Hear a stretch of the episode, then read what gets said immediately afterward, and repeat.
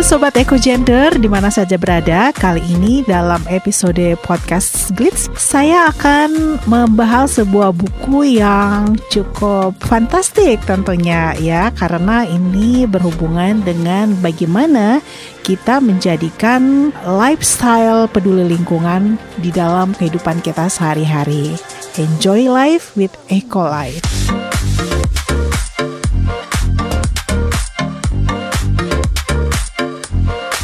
Sang penulisnya sudah ada bersama saya nih. Langsung saja ya kita sapa. Halo pada Ramsa, apa kabar? Kabar baik, luar biasa. Di masa-masa ini memang harus punya perhatian ekstra untuk bagaimana memperhatikan lingkungan sekitar. Ini tentunya sejalan nih dengan buku Enjoy Life with Eco Life tapi okay. sebenarnya buku ini sudah diluncurkan sejak tahun kemarin 2019. Ya? Oh 2019. Ya. Tapi kita akan tanya lagi nih ke sang penulisnya sendiri. Waktu itu apakah memang uh, buku ini sudah direncanakan sebelumnya atau tiba-tiba saja terbersit karena hmm. memang bekerja di instansi yang memperhatikan lingkungan atau hmm. ada hal lain yang mendasari ketika uh, memikirkan ataupun mencetuskan ide untuk menulis buku ini. Gimana Pak?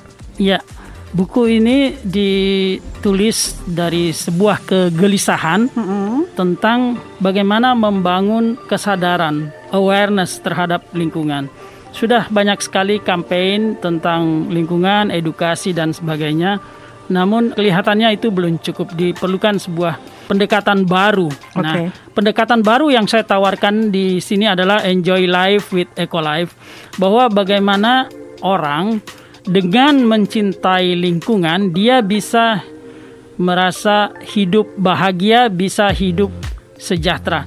Jadi kecintaan terhadap lingkungan itu benefitnya di individualize ya. Hmm. Artinya kalau Anda jaga lingkungan, kita semua menjaga lingkungan, maka kita akan e, merasakan manfaatnya. Nah, ada yang disebut sebagai nature relatedness. Di dalam buku itu saya menyebut nature relatedness.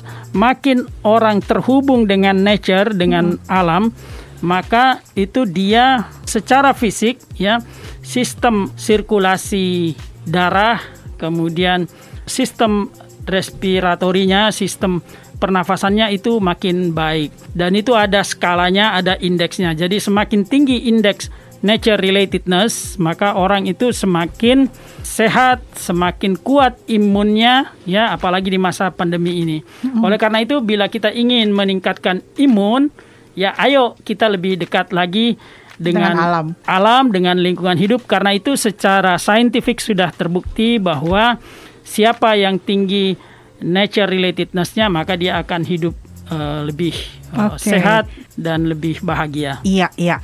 Buku ini kan sebenarnya difikirkan kemudian ditulis itu sebelum pandemi kan, ya. sebelum pandemi COVID-19. Ya. Nah, ya. dan ternyata apa yang dimuat ya. dalam buku ini ya. sangat related ya, ya dengan related uh, dan ya, semakin dengan keadaan um, sekarang. Betul. Related semakin urgen dan signifikansinya makin benar kuat. Ya, iya, iya, apalagi Di, tadi dengan poin nature relatedness itu iya, kan. Iya, betul. Uh, Jadi uh, kalau kita tadi berbicara mengenai new apa normal new normal uh-huh. maka di buku itu sebelumnya memang saya sudah tulis okay. ya jadi buku ini di uh, launching di September 2019 di Perpustakaan Nasional uh-huh. Jakarta uh-huh. di situ ada chapter mengenai new human life uh-huh. Ya, apa itu new human life? Itu new adalah kepanjangan dari N-nya adalah nature relatedness, ya, okay. keterhubungan dengan alam. Kemudian E emotional intelligence uh-huh. dan yang ketiga adalah wellness. Jadi ini new nature relatedness, emotional intelligence dan wellness ya, bagaimana kita hidup sejahtera lahir batin itu sangat terkait erat. Nah, ini juga didasari atas uh, teori biofilia. Hmm. Biofilia itu ada di dalam buku itu hmm. oleh Wilson mengatakan bahwa pada dasarnya sejatinya manusia itu selalu ingin berasosiasi dengan segala bentuk kehidupan alam. Ya, jadi pembawaan manusia selalu berasosiasi kepada kehidupan lain di alam. Jadi selalu memang bawaan kita dekat dengan alam. Iya. Itulah iya, sebabnya iya. sekarang jadi kalau di bisnis malah orang sekarang menggunakan itu back to nature. Back to nature. Orang no. menjual perumahan juga bukan hanya perumahannya dijual tapi lingkungan alamnya juga dijual. Mm-hmm. Orang menjual produk-produk lama lingkungan, ramah lingkungan dan sebagainya. Itu juga tidak terlepas sebenarnya dari teori Wilson itu yang disebut biopilia. Oke, okay. dan kalau kita lihat memang relatedness dengan lingkungan sebenarnya di masa-masa sekarang ini begitu kembali digaungkan ya. Mm-hmm. Di awal-awal kan kita tahu gimana segala hal yang berasal dari alam, dari lingkungan itu justru memberikan kontribusi mm-hmm. yang signifikan tadi ya untuk bagaimana mm-hmm. menjaga imun tubuh kita ya dengan yeah. memanfaatkan tanaman-tanaman herbal di lingkungan rumah rumah yeah. gitu kan. Yeah. Apalagi menjadi satu alternatif untuk bagaimana membangun kekuatan imun kita kan hmm, sebenarnya. Mm, mm, mm. Ini tentu uh, hal itu di awal-awal belum belum sempat terlintas kan ya bahwa buku mm. ini nantinya malah secara hubungan akan sangat uh, yeah. related dengan keadaan yang yeah. sekarang ya Pak yeah, Dar. Yeah. Itu lagi yeah. adalah sebenarnya dasarnya adalah bentuk kegelisahan Anda untuk yeah. bagaimana uh, kita lebih peduli lingkungan ya luar yeah. biasa. Oke. Okay.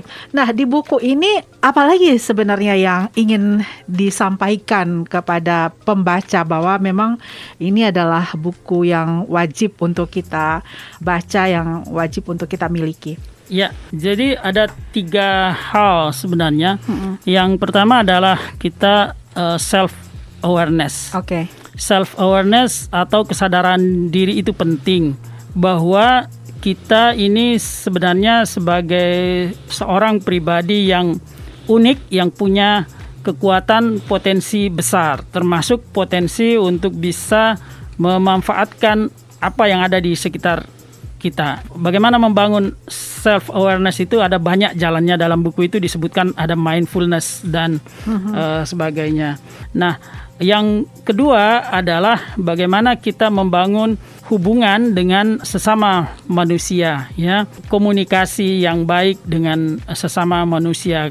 Katanya Tolle itu mengatakan bahwa communication is commune jadi kita bersatu dengan komunitas. komunitas ya, sesungguhnya komunikasi adalah commune union. Yeah. Ya, ya, commune union.